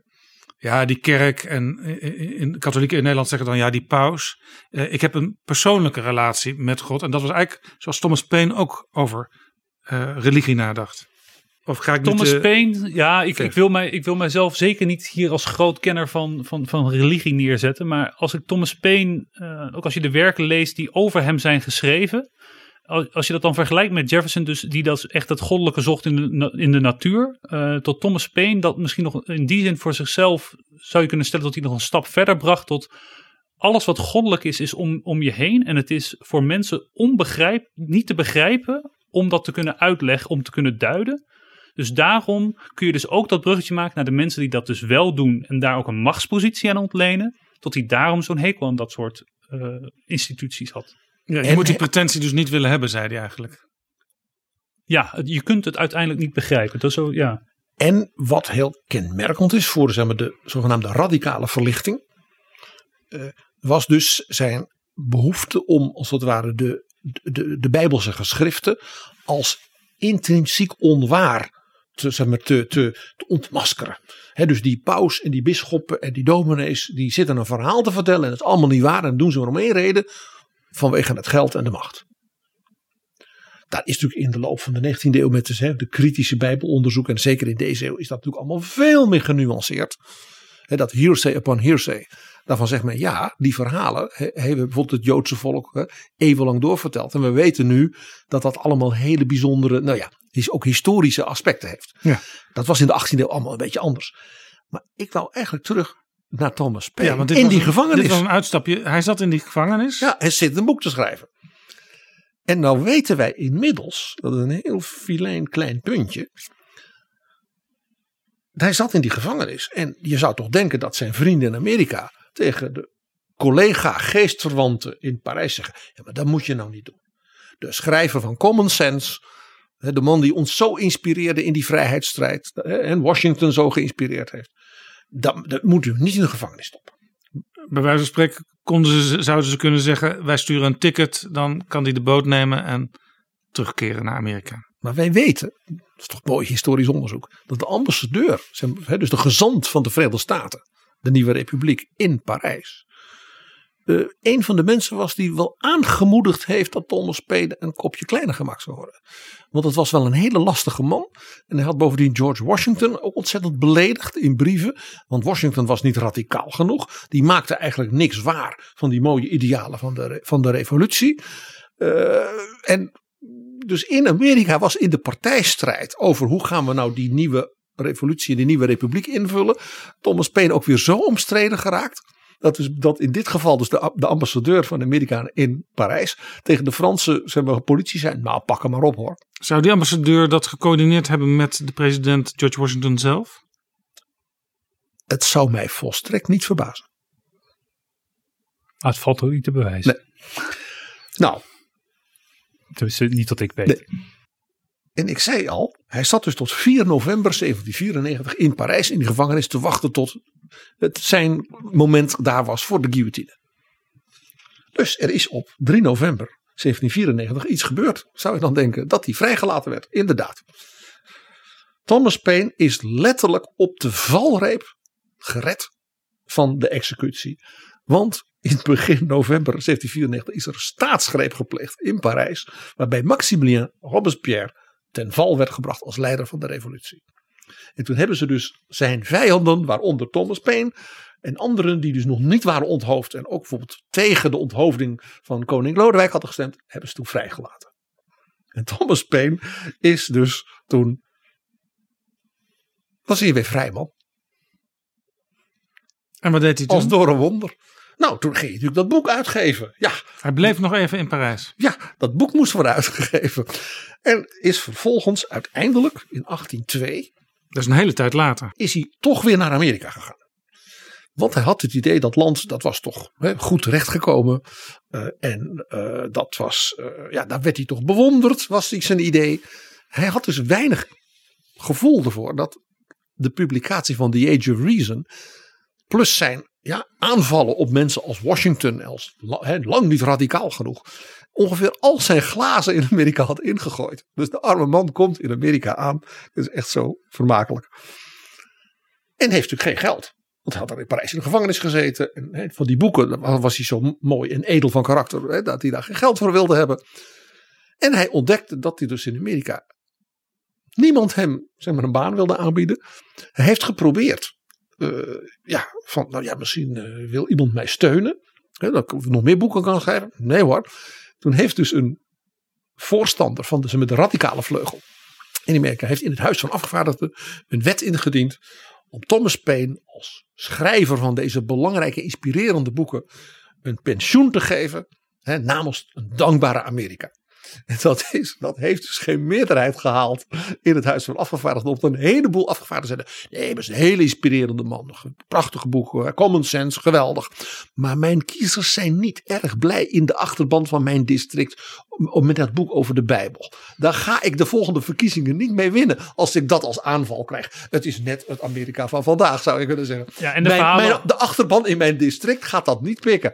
En de, en de verhalen over Thomas Paine en, en, en drank en hij, een beetje mystiek en allemaal van dat soort dingen. Nadat hij uit de gevangenis komt, ook in de jaren in Parijs gaan, dat, is het, zit hij niet meer echt op die politieke discussie. Dat hij dat soort, die, die puntige werken die men ook belangrijk dan vindt, niet meer oplevert. En ja, dan zie, je, dan zie je ook gewoon dat hij gewoon zijn populariteit eigenlijk gewoon aan het verliezen is. En los van dus wat hij geschreven heeft, tot het gewoon, oh, ja... Um, de verhalen over drankmisbruik die uh, John Adams nogal uh, vaker beschreef in zijn brieven. Uh, van hij, nou ja, de beste man kan wel aardig schrijven, maar alleen als hij gedronken heeft. nou ja, dat laat misschien ook wel wat zien over Thomas Paine. Maar het een ontzettend interessant verhaal over een hele interessante persoonlijkheid die geweldige ingenieuze dingen heeft geschreven. Een avonturenroman. maar zichzelf toch vaak in de weg zat. Ja, en, en nou, wat gebeurt er dus? Hij moet dus meemaken dat dat land wat hij mee had helpen oprichten. Ja? En die mensen had geïnspireerd. Dat er een meerderheid van het parlement, dingen waar hij dus voor was, hè, parlementaire regering. Dat je nou, meneer Peen moesten we maar geen pensioentje geven. Want onze kiezers in mijn, achter, mijn, mijn district in Rhode Island gaat mij dan bij de volgende verkiezing over, over anderhalf jaar niet herkiezen. En dat vind ik toch belangrijker. Best pijnlijk eigenlijk. Nou, toen heeft uiteindelijk de staat Pennsylvania en uh, de staat New York. Daar had een meerderheid van zeg maar, het regionale parlement gezet. Dat is toch wel een beetje pijnlijk. Thomas Paine heeft toch echt wel wat voorgesteld voor ons Amerika. Dus ze zouden hem eigenlijk daar kunnen adopteren. Dus toen heeft de staat Pennsylvania geloof ik hem een heel klein pensioentje gegeven. Van nou doe dat nou maar voor die man. En de staat New York zei we hebben nog wel ergens een, eh, een boerderijtje. En dat is staatseigendom. En toen hebben ze hem in het dorpje New Rochelle een boerderijtje gegeven dat hij dan, waar hij dan kon wonen. En dan kon hij hè, zeg maar, zijn, zijn, zijn, zijn, boeken schrijven. En dan kon hij dat pensioentje uit Pennsylvania uitgeven. En daar is hij in 1809 uh, gestorven. Mede doordat hij een flinke innemer was.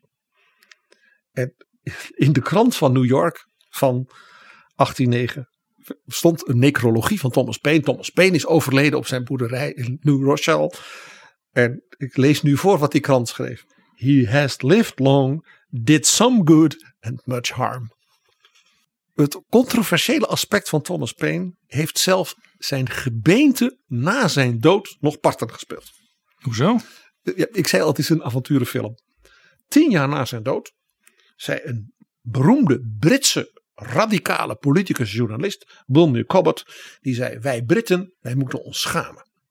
Thomas Paine was een Brit, een jongen uit Londen, uh, heeft radicale ideeën gehad.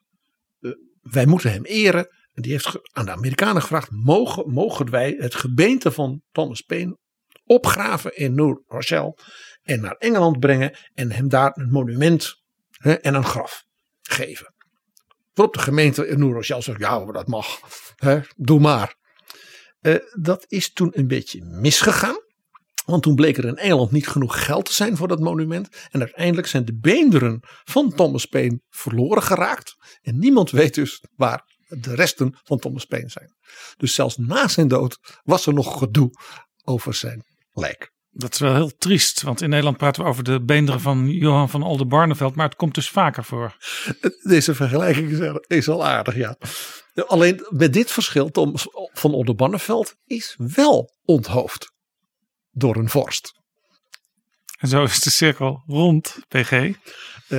Maar eh, eh, bij- bij, bij alle humor en, en ook wel de dingen, we kunnen er niet omheen om nog eens even te onderstrepen voor de, de luisteraars dat de impact van Thomas Paine en zijn werk niet alleen in Amerika enorm is geweest. De man is nooit senator geweest, gouverneur, dit, dit, maar hij is echt een van de founding fathers en een van de grote ideeënmensen hè, van de Amerikaanse staat.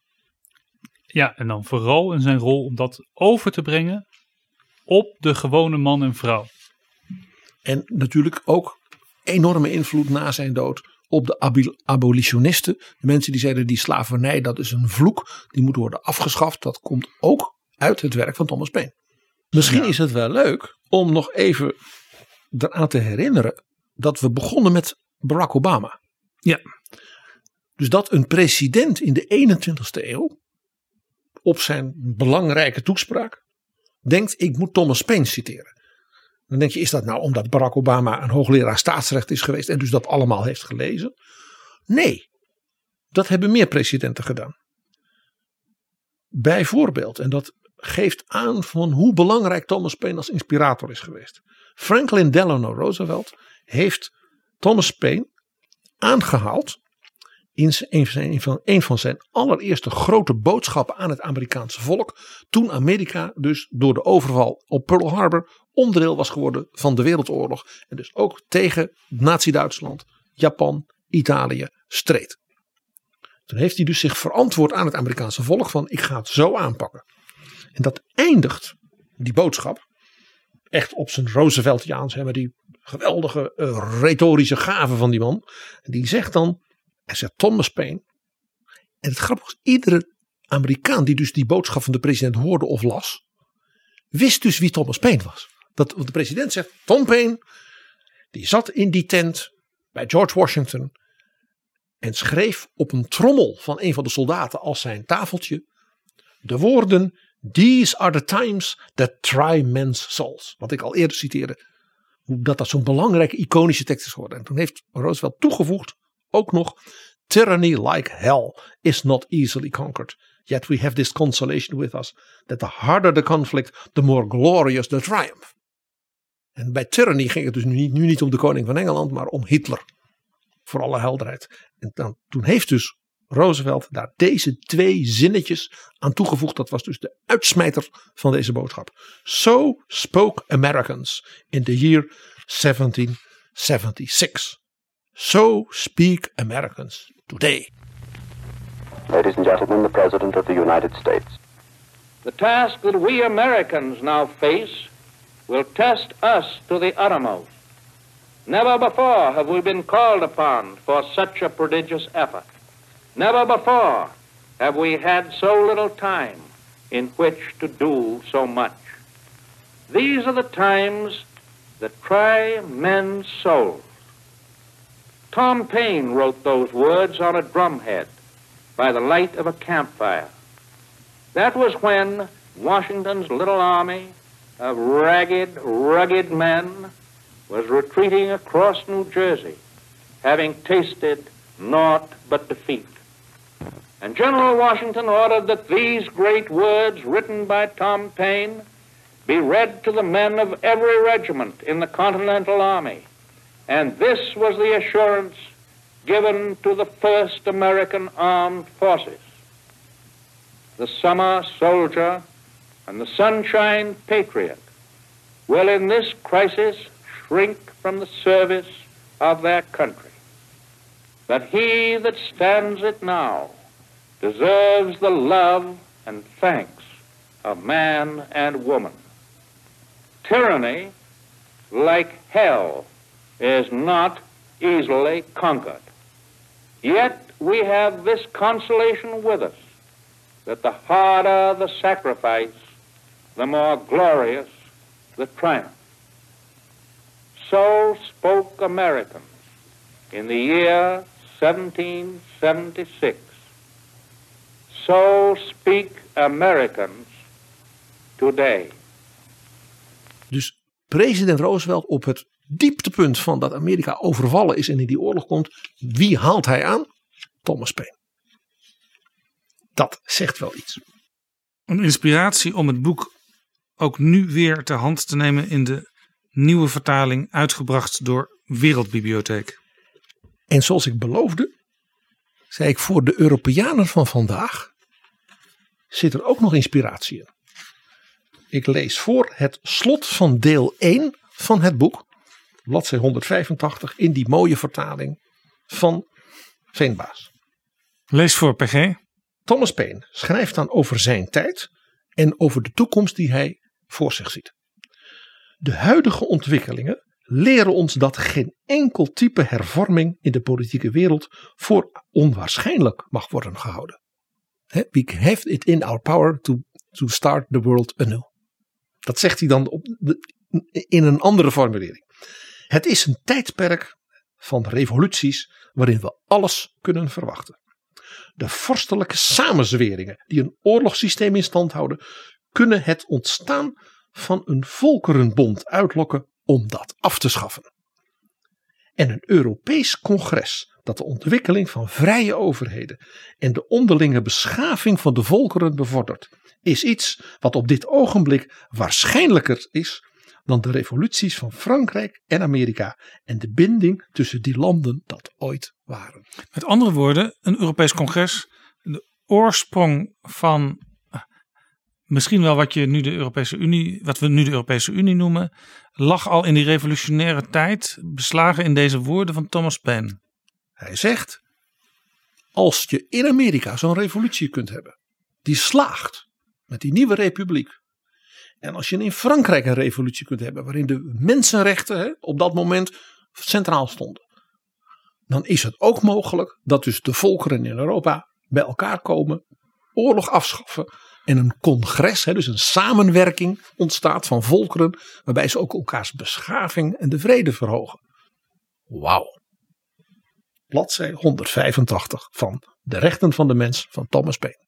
Zullen we hierbij dit gesprek afsluiten met opnieuw PG de conclusie dat iets van enkele eeuwen geleden nog steeds een inspiratie kan zijn voor het heden. Hoe brandactueel een man als Thomas Paine, hoe brandactueel dat nog is. Dankjewel PG en dankjewel deze keer ook Pirmin Oldeweghuis.